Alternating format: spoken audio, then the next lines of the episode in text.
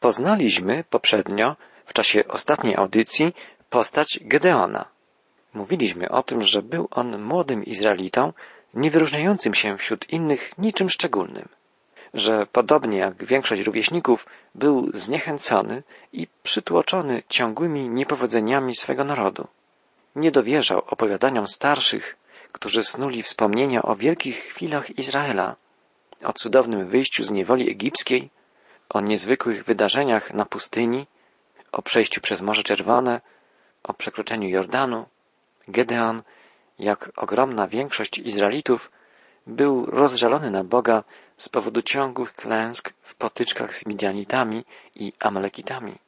Pamiętamy, że gdy Gedeonowi ukazał się anioł Pana, zapewniając go o wierności Boga i zapowiadając, że Gedeon zostanie wielkim wojownikiem, ten odniósł się do słów anioła sceptycznie i stwierdził, Pan nas opuścił i wydał nas w ręce Midianitów. W rzeczywistości to Izrael oddalił się od Boga, a nie Bóg od swego ludu. Dzisiaj też wielu ludzi obwinia Boga o wszystkie nieszczęścia i niepowodzenia, podczas gdy to nieposłuszeństwo i grzech człowieka jest przyczyną całego zła szerzącego się dookoła. Jednak Bóg jest miłosierny, jest Bogiem dobrym i wiernym swym obietnicom. Pragnie więc powołać Gedeona na sędziego i na wojownika, który będzie miał za zadanie uwolnienie ludu izraelskiego spod tyranii Midianitów.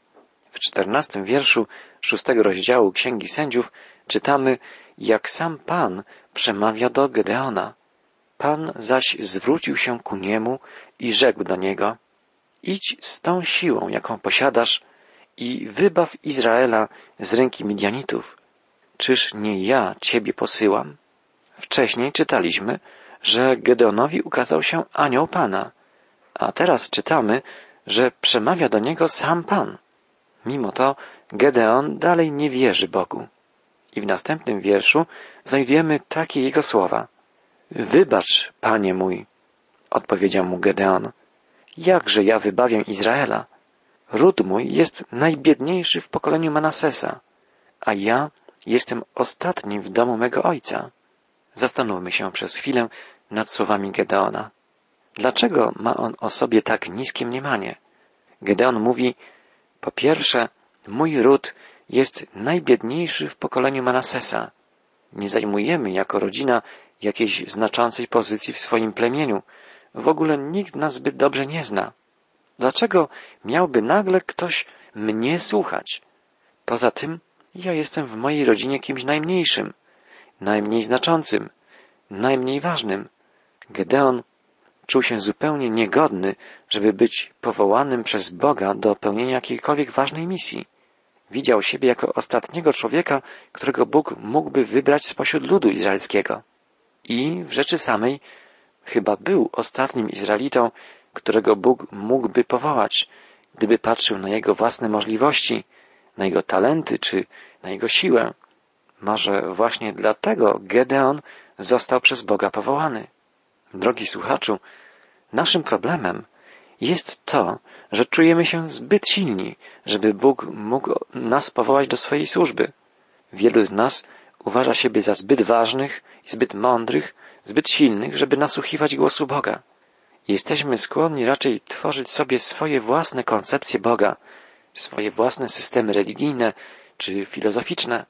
W liście do Koryntian apostoła Pawła czytamy Przypatrzcie się, bracia, powołaniu waszemu. Niewielu wśród was mędrców według oceny ludzkiej, niewielu możnych, niewielu szlachetnie urodzonych. Bóg wybrał właśnie to, co głupie w oczach świata, aby zawstydzić mędrców. Wybrał to, co niemocne, aby mocnych poniżyć. Teraz chyba lepiej rozumiemy, dlaczego Bóg powołał Gedeona do wykonania tak ważnego zadania wyzwolenia ludu Bożego spod okupacji Midianitów. Zresztą nie tylko Gedeon, ale wszyscy bohaterowie Księgi Sędziów są ludźmi ułomnymi, słabymi, mają wiele wad i braków. Do działania uzdalnia ich Duch Boży, Duch Pana, który daje im ponadnaturalne siły i umiejętności. Czy nie jest to dla nas zachęceniem? A może wprawia nas to w zakłopotanie? Jakie mamy mniemanie o sobie samych? Czy nie uważamy siebie za zbyt mądrych, zbyt ważnych, zbyt zdolnych, żeby marnować swoje talenty w służbie dla Boga? Większość z nas realizuje dzisiaj swoją własną wolę. Większość z nas chodzi przez całe życie własnymi ścieżkami. Jest tak wielu, tak bardzo wielu ludzi posiadających różnorodne umiejętności, uzdolnienia, wiedzę, tak wielu ludzi inteligentnych i utalentowanych ponad przeciętność, ale bardzo niewielu z nich służy Bogu. Dlaczego? Bo są zbyt mocni, zbyt mądrzy, zbyt ważni, żeby usłyszeć głos Boga. We wspomnianym fragmencie listu apostoła Pawła, pierwszego listu do Koryntian, czytamy To, co nie jest szlachetnie urodzone według świata, co jest wzgardzone, wyróżnił Bóg, tak, by się żadne stworzenie nie chełpiło wobec Boga. Chrześcijanin, który jest dumny, pyszny, to coś nieprawidłowego. Bóg pysznym się sprzeciwia, głosi Pismo Święte. Cokolwiek wartościowego może chrześcijanin dokonać w swoim życiu, cokolwiek o nieprzemijającym znaczeniu, to nie to, co jest w stanie zrobić o własnych siłach, ale to, do czego uzdalnia go Bóg. Gdy człowiek ma świadomość tego, że jest słaby, gdy zdaje sobie sprawę ze swoich ograniczeń, ze swojej grzeszności, swojej znikomości, Bóg może mu błogosławić. I wtedy dzieje się to, o czym pisze apostoł Paweł. Kiedy jestem słaby, wtedy jestem mocny, bo w mojej słabości objawia się moc Boga. Apostoł nazwał siebie i innych chrześcijan glinianymi naczyniami. Bóg wypełnia takie gliniane, słabe naczynie swoją mocą. Tylko w ten sposób Bóg powołuje i uzdalnia do twórczej i owocnej służby. Gdy Bóg pragnie zrealizować jakąkolwiek ważną rzecz, wybiera tych najsłabszych, żeby po dokonaniu dzieła nikt z ludzi nie mógł przypisywać sobie chwały należnej tylko Stwórcy.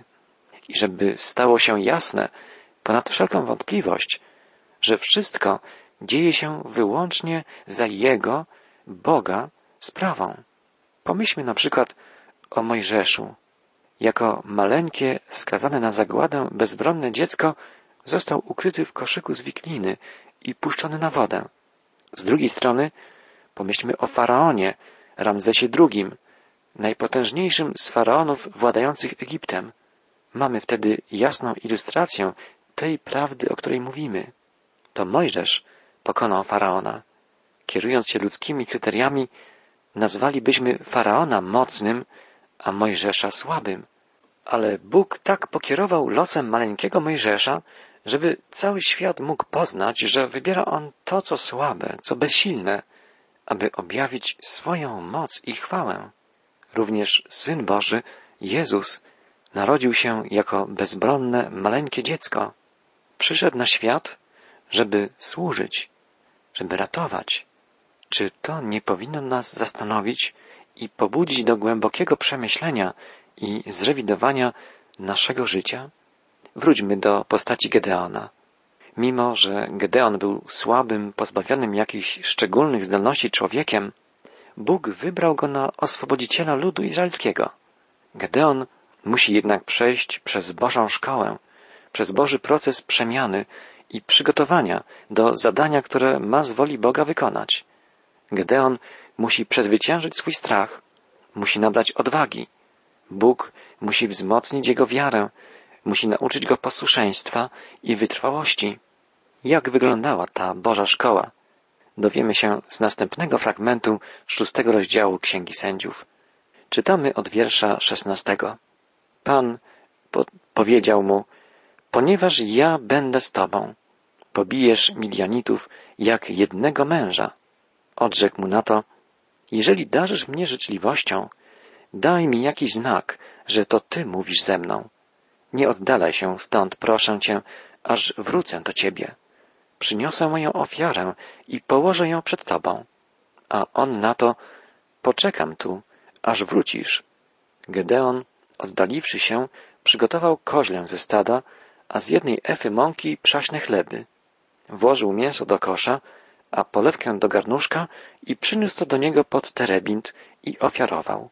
Wówczas rzekł do niego anioł Pana, weź mięso i chleby przaśne, połóż je na tej skale, a polewkę rozlej. Tak uczynił.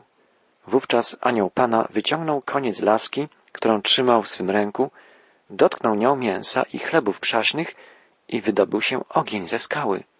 Strawił on mięso i chleby przaśne. Potem zniknął anioł Pana sprzed jego oczu. Zrozumiał Gedeon, że to był anioł Pana i rzekł, ach, Panie, Panie mój, oto anioł Pana był twarzą w twarz ze mną. Rzekł do niego Pan, pokój z Tobą, nie bój się niczego, nie umrzesz. Bóg powiedział Gedeonowi, nie bój się, nie umrzesz.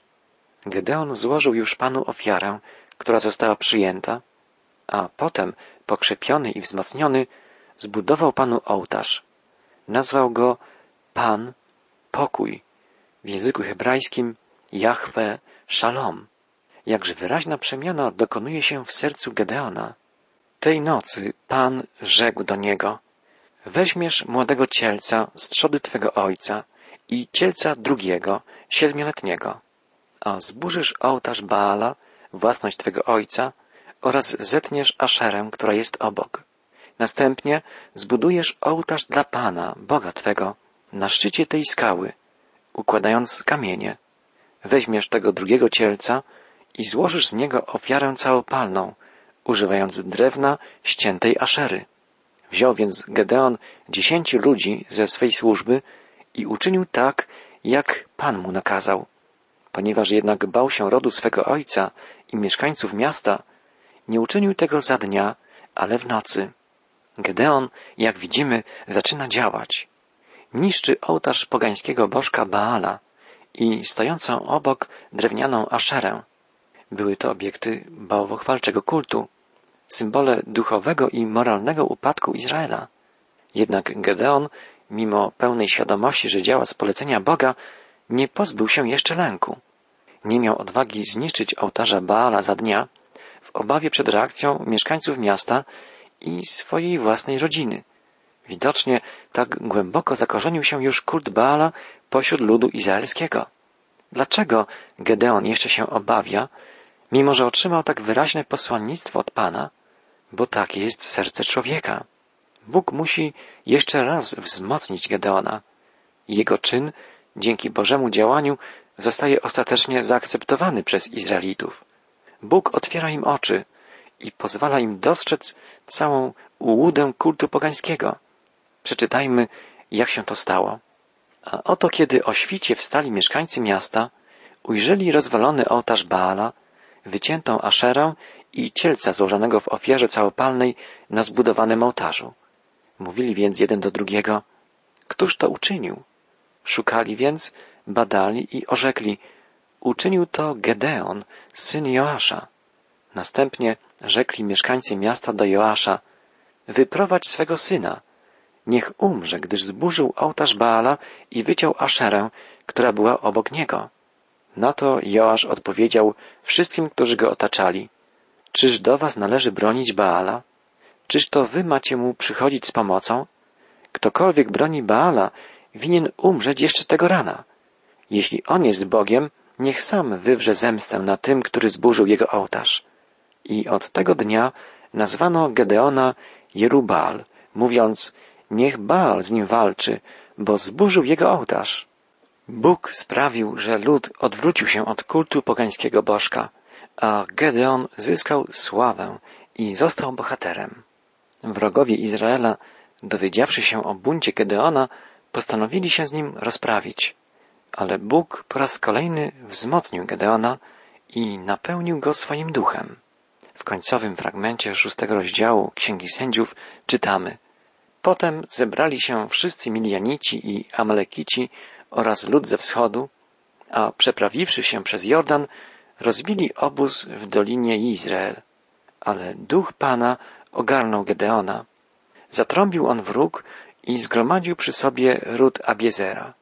Wysłał też gońców do całego pokolenia Manasesa, które również zgromadziło się przy nim, a następnie wysłał gońców do pokolenia Ashera, Zabulona i Neftalego, które wyruszyły, aby się z nim połączyć.